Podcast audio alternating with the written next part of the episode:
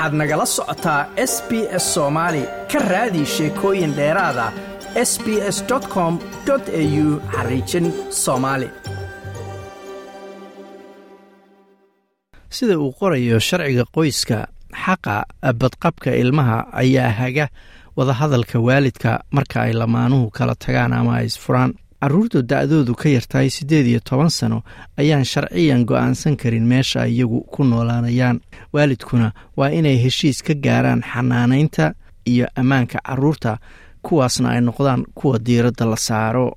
Sharciga qoyska ayaa si isku mida u saameeya qoysaska isqaba kuwa iyagoo aan isqabin wada nool waalidiinta isku jinsiga iyo sidoo kale dadka carruurta xanaaneeya oo ay ku jiraan ayayooyin ama awowayaal sharcigan ayaa lagu xaqiijinayaa in carruurtu ay xaq u leeyihiin inay sii wataan xiriir ay la leeyihiin labada waalidba iyada oo aan loo fiirinayn jinsiga waalidka ama doorka uu ku leeyahay qoyska. Sidaas daraaddeedna kadib markuu qoysku kala tago labada waalid midkoodna si gaara xaq uma laha inuu ilmaha haysto ama gaari karo go'aan uu u qaado waalidka kale. Banadet garantineti waa maareeye ka tirsan victoria legal aid oo ah hay'ad si lacag la'aana dhanka sharciga dadka ka caawisa. Waxay sharaxaysaa sida mas'uuliyadda waalidnimo loo qaybsado marka la fiiriyo sharciga qoyska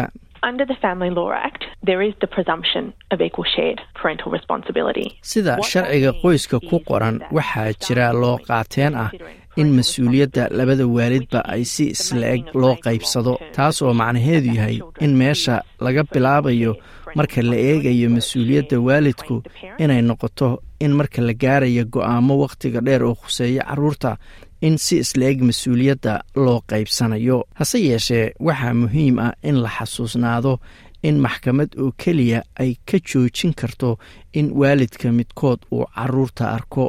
Sida haddii uu jiro kays rabsho qoys oo kale ah mas'uuliyad wadaagga waalidka macnaheedu waa in labada waalidba ay dhaqaale ahaan ku taageeraan ilmaha.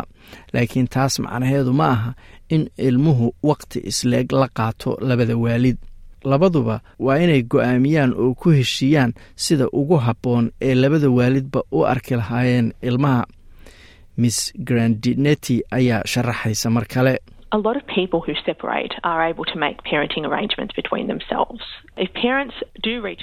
Dad badan oo kala taga ayaa awood u yeesha inay iyagu ku heshiiyaan waalidnimada. Haddii waalidku heshiis gaaraan wuxuu noqon karaa mid aan rasmi ahayn oo ah heshiis hadala oo afka oo keliya ah ama inta ay qoraan ayay saxiixi karaan. Markaasna wuxuu noqonayaa waxa loo yaqaano parenting plan ama qorshaha waalidka. Qorshaha waalidka ayaa waxaa ku jiri kara heshiis ku saabsan dhanka maaliyadda sida ay leedahay shariin fagani oo ah qareemad sare oo ka tirsan womens legal service ee gobolka a c t. Qorshaha waalidku ma laha ayay leedahay qaab gaara oo loo dhigo ama way kala duwanaan karaan.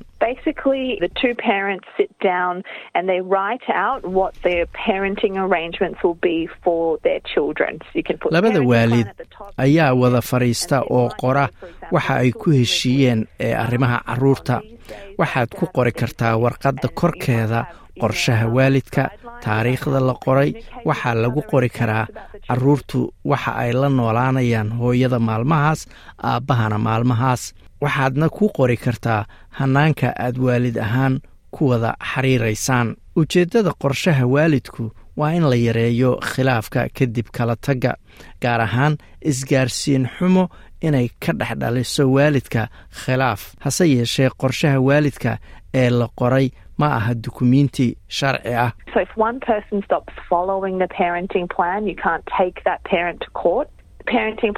Marka haddii waalidka midkood uu raaci waayo qorshihii kan kale maxkamad ma geyn karo. Qorshaha waalidka waa mid mar walba wax laga bedeli karo. Waxaad beddeli kartaa markii carruurtu ay kortaba baahidooda ayaa isbeddelaysa. Laakiin muhiimaddu waa in qorshaha waalidka la samayn karo mar kasta oo adiga iyo lamaanahaagii hore aad ku heshiisaan. Mararka qaarkood waxaad u baahan tahay dhexdhexaadiye ama qof saddexaad oo kaa caawin kara in heshiiskan la gaaro. Kaysaska waalidku ay heshiis ka gaaraan oo aad rabto inaad heshiiskaas ka dhigto mid rasmi ah waxaad onlineka ka codsan kartaa ogolaanta amarka waalid oo ah foom la buuxinayo. Haddii waalidku ay heshiis gaari waayaanna tallaabada xigta inta badan waxay noqonaysaa xalinta khilaafka qoyska. Waa tan mar kale benedet grandinetti This allows the negotiation of parenting arrangements with the assistance of a mediator. tani waxay ogolaanaysaa wadahadal ay waalidku heshiis ku gaaraan iyada oo uu caawinayo dhexdhexaadiye guddiyada gargaarka sharci ee dalka oo dhan ayaa bixiya gargaar dhexdhexaadina oo la siiyo macaamiisha xaqa u leh oo loola jeedo haddii dhaqaalahaagu yaryahay waa lacaglaan waxaa sidoo kale jira dhexdhexaadiyayaal bulsho iyo kuwo gaar loo leeyahay oo dadka kala taga caawiya. Ann mary rice waa diiwaangeliye la shaqaysa maxkamadda federal circuit courtiga iyo maxkamadda family court of australia waxay sheegtay in inta badan qoysaska kala taga ay heshiis waalid gaaraan iyaga oo aan maxkamad tegin ama u baahan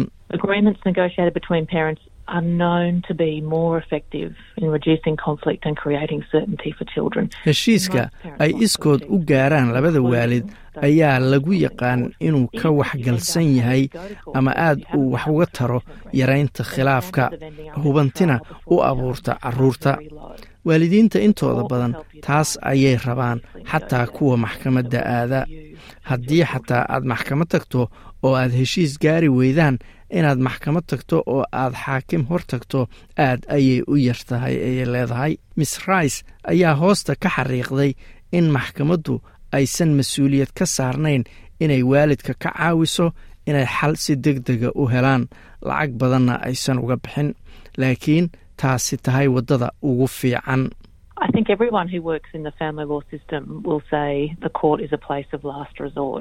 waxay ila tahay in qof kasta oo ka shaqeeya nidaamka sharciyada qoyska ay dhihi lahaayeen. maxkamaddu waa meesha ugu dambaysa ee qoysku ay tagaan laakiin qof kasta oo doonaya in amar rasmiya ay maxkamaddu ka gaarto ilmaha waa inuu marka laga reebo kaysas deg dega ama khatar badan leh inuu isku dayo in waalidku ay marka hore heshiis gaaraan.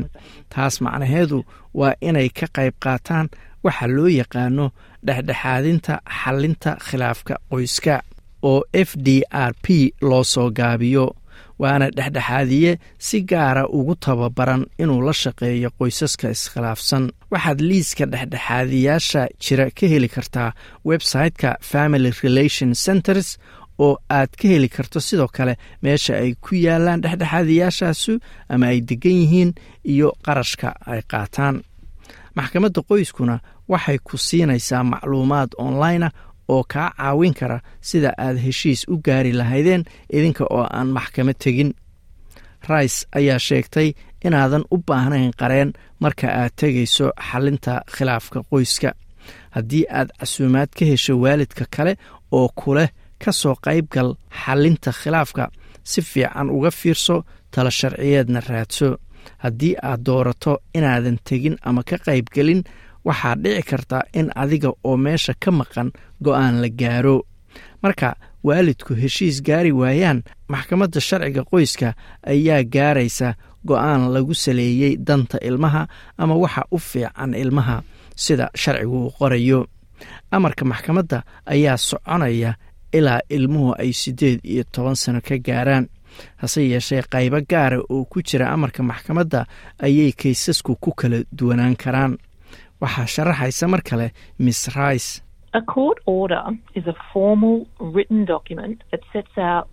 amarka maxkamaddu waa mid rasmi ah waa dukumiinti qoran oo qeexaya waxa laga rabo dhinacyadu inay sameeyaan marka ay noqoto ilmaha ama arrimaha dhaqaale. Amarka waxaa la gaaraa iyada oo labada dhinac ay ogol yihiin ama waxaa gaara diiwaangeliyaha maxkamadda ama xaakin kadib dhegaysiga amarka maxkamaddu waa miday tahay inaan la yaraysan. Haddii amarkaas la jebiyana wuxuu qofku wejihi karaa cawaaqib xun. Sida aad kays u geysa maxkamad waa inaad dhowr dukumiinti buuxiso. Khatar kasta oo carruurtu wajahaysana waa in la sheego ama la soo bandhigo.